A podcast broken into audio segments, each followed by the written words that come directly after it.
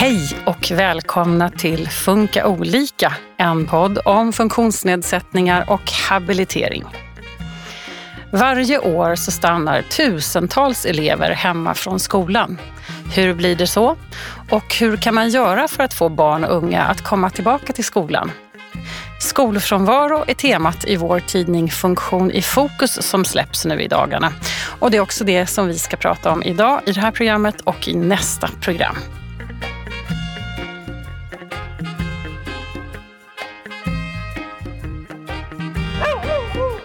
Jag heter Åsa Böme och med mig i studion så har jag Jenny Fernström som är, eh, studerar på folkhögskolan Fridhem i Svalöv men som under långa tider inte gick i skolan alls. Välkommen! Tackar. Och min andra gäst är Steve Berggren som är psykolog och biträdande föreståndare för Kind i Stockholm och som även har jobbat mycket med att få tillbaka elever med hög skolfrånvaro. Välkommen Steve! Tack så mycket! Ja, om jag börjar med dig Jenny. Du har tagit ledigt från skolan idag för att vara här och prata om just skolan. Ja, det har jag. Ja, det har du. Hur känns det då? Det känns jättebra. Det här är roligare än skolan. ja. Eh, för några år sedan hade du kunnat tänka dig att, det var, att du skulle befinna dig i en studio och prata just om skolan? Aldrig. Aldrig. Trodde jag inte. För hur var det då, om du tar oss tillbaka till den tiden för några år sedan? Eh, då gick jag inte i skolan alls och jag var jättedeprimerad. När började det här? Vilken klass gick du i? Åttan i högstadiet så började det. Och vad var det som hände? Varför slutade du gå till skolan? Jag vet inte riktigt faktiskt. Men det var nog för att jag kände att jag inte fick den hjälpen jag behövde så jag kände mig bara jättedålig. Och då blev allt dåligt och jag, min kropp började må dåligt och då hamnade jag i en depression. Då slutade jag helt. Jag kände ingen mening med att gå till skolan. Du fick ingen hjälp i skolan med det här tycker du? Nej. De problem du hade? Nej, det fick jag inte. Hade du några problem med att läsa eller var det något sånt som låg bakom, tror du, att det började kännas motigt i åttan? Uh, ja, jag... För det var i åttan också som vi började få betyg. Så då blev allt lite hårdare jag hade väldigt svårt för att läsa och förstå texterna. Och sen skriva och stava också. Nu i efterhand så har det också visat sig att du har en eh, diagnos. Du har ADHD eller ADD. Ja, ja. och dyslexi. Och dyslexi. Ja. Har det här varit bidragande till att du har haft det svårt och tufft i skolan, tror du? Ja, gud ja. Jag vet ju att även fast jag hade lämnat in papper på att jag hade dyslexi så rättade skolan mina stavfel som gjorde att mina betyg sjönk. Men jag tänker, Steve, rätta mig om jag har fel, men dyslexi ska inte vara något större problem i skolan idag. Man ska väl få hjälp om man har sådana problem? Ja, alltså dys dyslexi eller vad det än må vara så har ju alla elever rätt att få det stöd man behöver i skolan. Ehm, tyvärr är det väl inte riktigt så. Jag tror att i många fall så vi ställer frågan här också vad det var som gjorde att man inte valde att komma till skolan. Det, det kan vara väldigt svårt ibland att sätta fingret på det. Men eh, min erfarenhet är ju väldigt mycket det att eh, skolan är inte så intresserad av att ta reda på det. Utan att många gånger så är det så att det blir, har gått för långt helt enkelt och så stannar man hemma istället. Eh, istället för att man innan hade börjat titta på vad det skulle kunna vara för olika saker som, som gör att, att det är motigt att vara i skolan. Mm. Hur kunde det se ut för dig då en dag när du inte gick till skolan helt enkelt? Hur såg en sån dag ut? Det är faktiskt jättesvårt för mig att komma ihåg. För just den perioden har jag lite blackoutar. Men det var olika. Ibland var jag bara hemma och inte ville gå ut. Ibland gick jag ut och träffade kompisar men med tiden så fick jag någon slags av social förbi. Så jag stannade bara hemma. Jag tränade mycket hemma. Jag vet inte riktigt vad jag gjorde. Jag förstår. Många gånger har man ju märkt också att just det här hur fyller man dagarna? Det, alltså det, det är ju väldigt eh, olika det där. En del är ju, vänder ju på dygnet och det blir väldigt svårt att vara aktiv på dagen överhuvudtaget eftersom man inte har sovit särskilt bra. Och eh, ju längre man har varit hemma så lite som beskrivningen blir här är ju också då att man har svårare att alltså interagera socialt. För det händer ju väldigt mycket saker i skolan och eh, träffa kompisar igen och prata om och vad som har hänt. Det, det blir inte så mycket att prata om då eh, eftersom man har varit hemma. Och risken är ju att man isolerar sig och då blir man ju också Alltså risken för psykisk ohälsa då med depression och ångest och så vidare ökar ju väldigt mycket. Vi ser att det finns ett stort samband mellan alltså isolering på något sätt, vilket det många gånger är, och en ökad psykisk ohälsa. Och dessutom så hamnar man ju väldigt mycket utanför alltså kompisgäng eller dagliga aktiviteter och så vidare. Så att när vi pratar om dem med långvarig skolfrånvaro så finns det ju faktiskt de som också är i skolan men går inte på lektioner.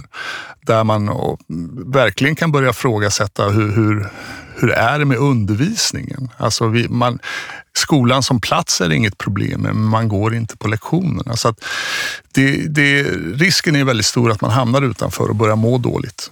Mm. Mm. Så det handlar inte bara om studierna och framtiden utan det handlar om helhetsperspektivet? Absolut. Självkänsla, självförtroende och hela den delen blir ju någonting också som, som också gör att man att man kan börja må väldigt dåligt av att, att vara isolerad. För när man sitter där själv så kommer det ju väldigt mycket tankar om på att man är misslyckad och alla andra kan och jag kan ingenting och så vidare. Och så vidare. Och det är ju väldigt synd för det är just de tankarna vi vill bryta och försöka anpassa ett innehåll för de som av olika anledningar inte är i skolan. Mm. Mm. Och det är aldrig för sent att komma tillbaka helt enkelt. Nej, det har vi ju ett, ett bevis på här också. det har vi ett bra bevis på. Men vad gjorde dina föräldrar under den här tiden? Mm, min mamma försökte hjälpa mig att komma tillbaka till skolan. Hon frågade mycket vad vill du att jag ska göra. Hon försökte med väldigt mycket men det fanns inte så mycket som de kunde göra faktiskt. För de förstod inte. Och sen eftersom att jag var 14 så var jag i den här åldern då man är trotsig och humöret går upp och ner. Men det var inte på grund av att jag var tonåring utan det var ju på grund av att jag mådde dåligt. Mm. Men det tror jag är någonting min mamma fattat efteråt. Eller så vill hon inte inse det då. Är det här en vanlig berättelse, Steve? Känner du igen den? Absolut, det är väldigt vanligt. Och sen just det här att ta reda på då eh, vad det skulle vara som gör att man kommer tillbaks till skolan. Det, det är ju ingenting man gör på en kvart. Det är ju inte så att man ringer hem till den uh, unge som är hemma och frågar liksom, varför kommer du inte till skolan? Ska vi hjälpa dig att fixa det? Uh, det är väldigt svårt att sätta fingret på så det kräver ju också att man har någon sorts relation eller åtminstone skapar sig en relation och tillsammans försöker bena ut på vilket sätt man skulle kunna göra för att man ska komma tillbaks till skolan. Och att då skolan kan hålla det som man pratar om på olika sätt. Då. Och det, det, kan ju skifta, det skiftar ju väldigt mycket från individ till individ hur man vill att det ska vara för att man ska komma tillbaks. Då. Men mm. det, man löser inte det på att ringa och fråga eller något, utan det, det krävs ju att man har någon sorts relation där man kan börja prata om saker. Mm. Det krävs lite mer. Jag tänker innan vi går in på det så vill jag höra vad vi sa inledningsvis att du jobbar vid Kind. Vad är det för någonting? KIND är ett kompetenscenter och det står egentligen för Karolinska institutet Neurodevelopmental Disorders, alltså utvecklingsrelaterade funktionsnedsättningar. Då. Och där ingår ju gruppen ja, ADHD, autism, Asperger, Tourette och så vidare. Så att vi är ett kompetenscenter som forskar på, eh, kring de här olika diagnoserna. Men vi har ju också till uppgift att sprida kunskap och utbilda människor. Så att, eh, det är där jag jobbar. Mm.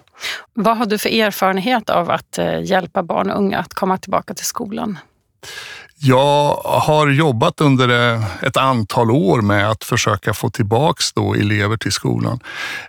Och det gjorde jag tillsammans med några andra då i Salems kommun bland annat, där vi jobbade just med, med elever då som hade en långvarig skolfrånvaro.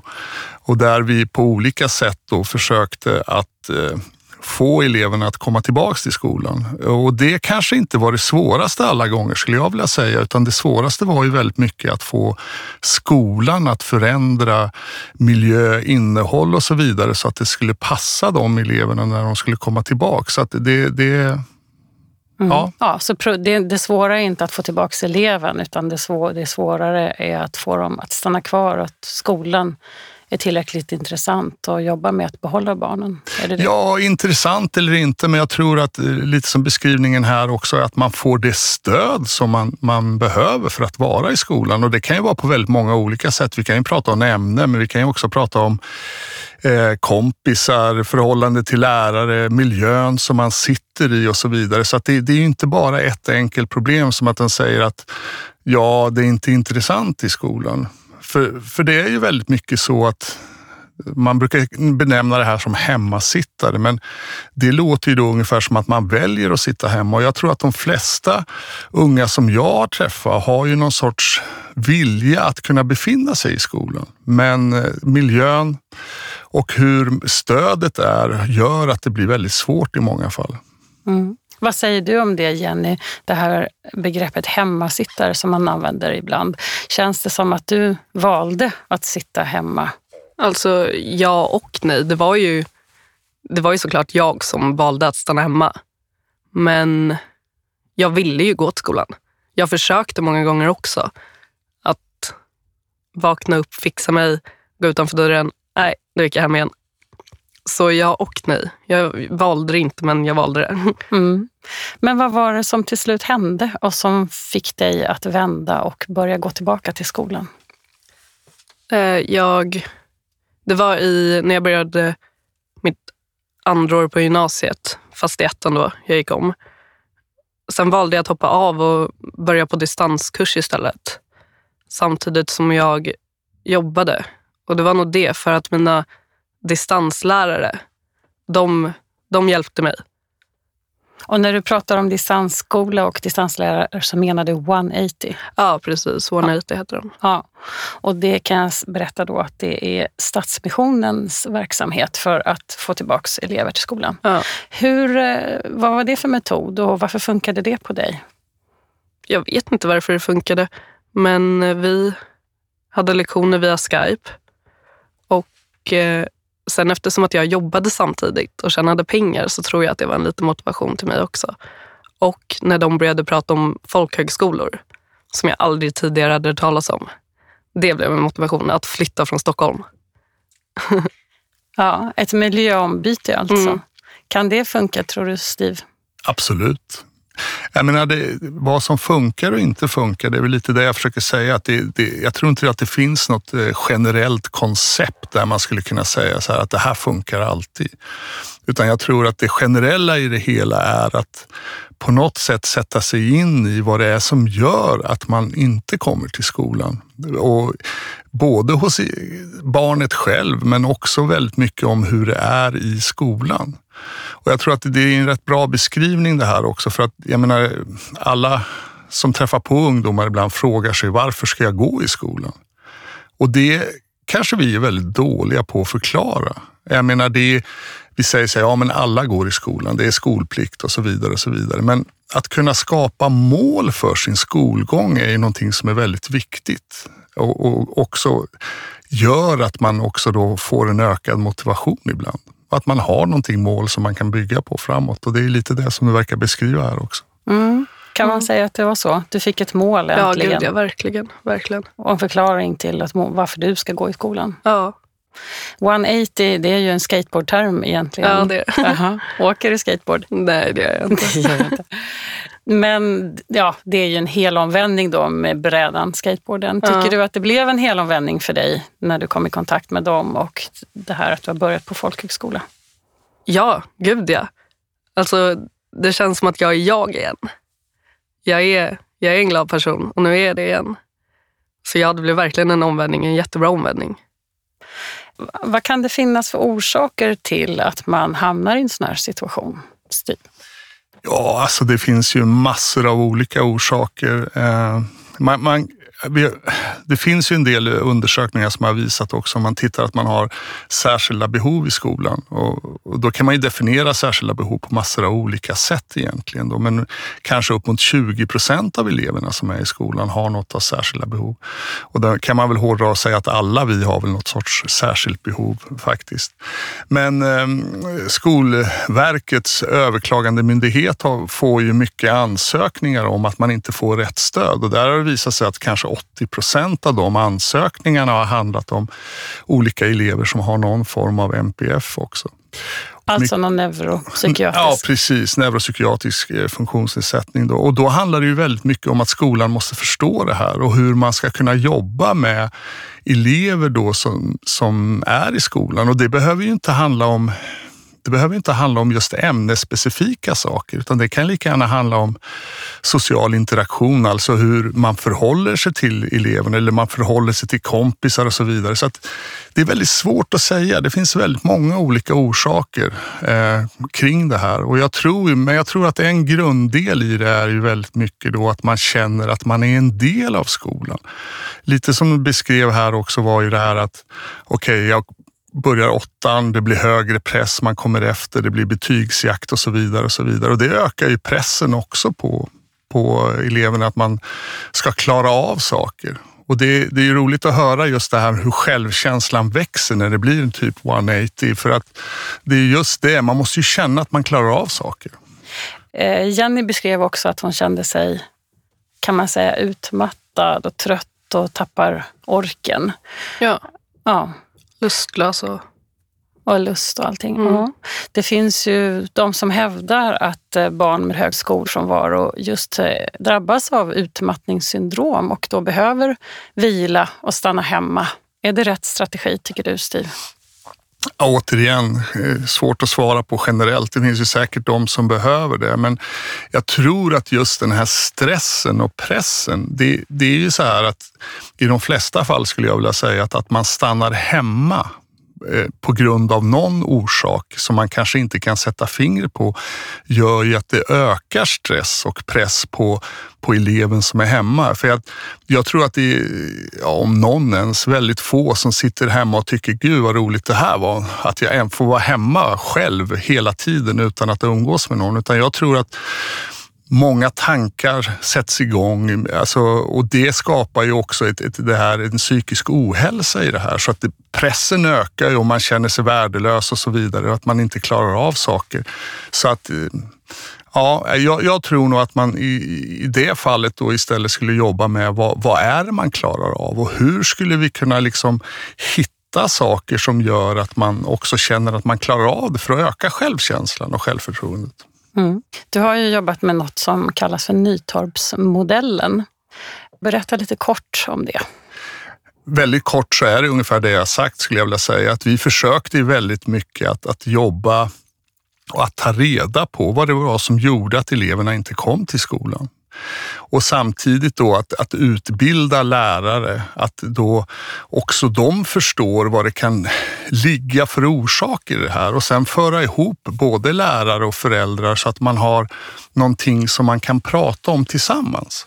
Eh, att det finns något problem som kan göra att man inte kommer och hur man ska lösa det tillsammans. Som i vårt fall var det väldigt mycket att föräldrarna skällde på lärarna. De tyckte att de skulle ta hand om det här. De trodde att de skulle kunna göra det. Och lärarna skällde på föräldrarna för att ja, det är klart att du måste få ditt barn att gå till skolan.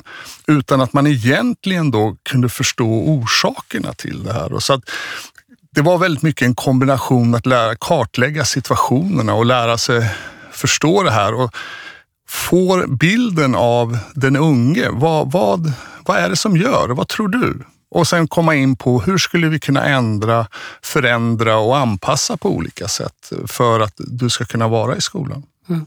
Vad hade du, Jenny, behövt för stöd eller för hjälp då, när du gick i åttan och problemen började? Mm. Jag hade velat att de inte jämförde mig med hur jag var för två år sedan. För det fick jag höra mycket om att, hallå du var ju duktig förut, vad har hänt? De menar ingenting negativt men det blir, jag tog det som en förolämpning. Det var inte kul att höra att jag har blivit sämre än vad jag varit. Um, och Sen hade jag nog också behövt mer hjälp för mig och inte så här, ja men du får två veckor till att läsa boken, två veckor till att skriva en uppsats. Det hjälper inte. Det kommer fortfar jag kommer fortfarande inte förstå. Och det är det som jag tror är väldigt viktigt, just det här individuella stödet, att man ser hur det är. Skolan är ju väldigt konform på det sättet. Man har läroplanen som man på något sätt ska följa. Och jag brukar alltid säga det, men är det inte bättre att man klarar av saker? Man kan ju sänka kraven under ett tag eller i vissa ämnen eller vad det nu är för någonting för att känna att man klarar av det man faktiskt gör. Istället för att man hela tiden på lägger på press. Jag menar säga så här, ja men nu får du två veckor på dig att läsa det. Och om man då fortfarande inte förstår, ja då, då, känner man sig ju inte bättre efter två veckor när man har försökt och ändå inte klarar det. Alltså får du två veckor till, ja det är ju bara att öka pressen egentligen. Så att det är väl en väldigt dålig strategi skulle jag säga. Mm. Det pratas också om att eh, kunskapen i, hos skolpersonalen när det gäller barn med olika behov av stöd och så vidare, att den är lite dålig. Ja, alltså vi har gjort på Kind här en undersökning där det är ungefär 8000 skolpersonal som har svarat på frågor hur väl de själva känner sig rustade för att jobba med med elever med olika neuropsykiatriska funktionsnedsättningar eller med särskilt stöd. Eh, och det tror jag var ungefär 8-9 procent som tyckte att de hade tillräckligt med kunskaper och det är inte tillfredsställande. Nej, det, det är inte särskilt bra siffror kan man inte säga. Nej, och vi har jobbat väldigt aktivt också tillsammans med intresseorganisationer nu att förändra lärarutbildningen där man idag inte har någon undervisning kring alltså individernas kognitiva förutsättningar. Och kognition är något man skulle kunna prata länge om. Det handlar ju om hjärnans funktioner på olika sätt. Och det är ju så att de utvecklas ju precis, ja, men vi vet ju idag att till exempel de som håller på med idrott kan ju vara så kallade late bloomers. Att man, liksom, man behöver inte ha någon Eh, alltså diagnos, det är inte det det handlar om, utan men vissa av de här kognitiva funktionerna utvecklas långsammare än sina jämnåriga kamrater och då måste man ju också förstå att vi kanske inte kan lägga exakt samma ribba på alla som befinner sig i klassrummet. Nej, så det finns inte någon sån här enkelt svar att ge. Eh, att behöver alla samma hjälp av stöd för att komma tillbaka till exempel? Nej, alltså inte samma. Jag skulle vilja säga att det samma i det här, det är att man då på något sätt försöker sätta sig in och förstå i hur man skulle behöva förändra och också att man är villig att förändra. Och då pratar jag om miljön runt omkring och skolan som, som institution och att förstå behoven hos de här eleverna då som av olika eh, orsaker då är hemma. Mm. Eh, Jenny, mm, vad hände efter 180? Efter 180, det var då jag flyttade till Skåne och började på folkhögskola. Mm. Och vad läser du för linje där? Fotografi. Fotografi. Samtidigt som jag pluggar upp mina gymnasieämnen. Eller nu är jag klar. Mm. Hur har det funkat eh, på folkhögskolan tycker du? Det har funkat så himla bra. Alltså så himla bra. Vi, i, vi tar ett ämne i taget. Man har historia i åtta veckor, sen matte i åtta veckor och så vidare. Det kan låta jobbigt att ha samma ämne i åtta veckor men det, det funkar så himla bra för då är det bara en sak att fokusera på. Det är bara ett ämne läxor. Man får den tiden man behöver också och den hjälp. Mm. Mm.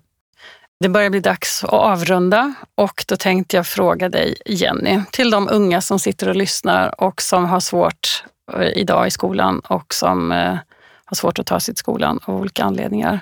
Mm. Vad vill du ge dem för råd?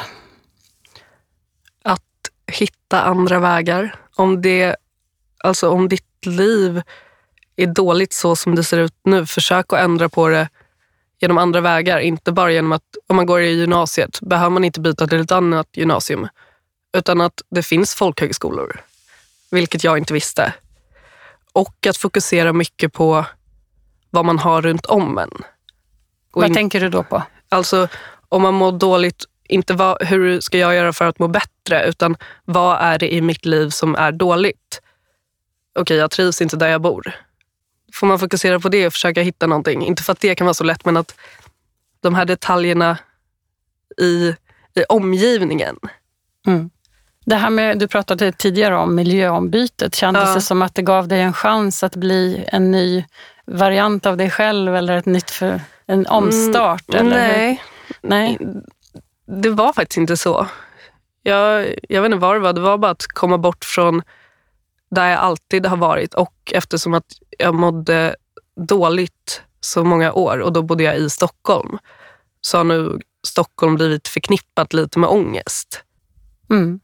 Och Skåne står för någonting härligt. Ja. ja.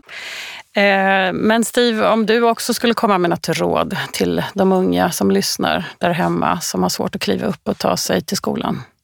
Ja, alltså det är väldigt svårt ibland. För att lite som Jenny har beskrivit här så är det en process på något sätt att man hamnar någonstans till sist hemma och man försöker men det går inte.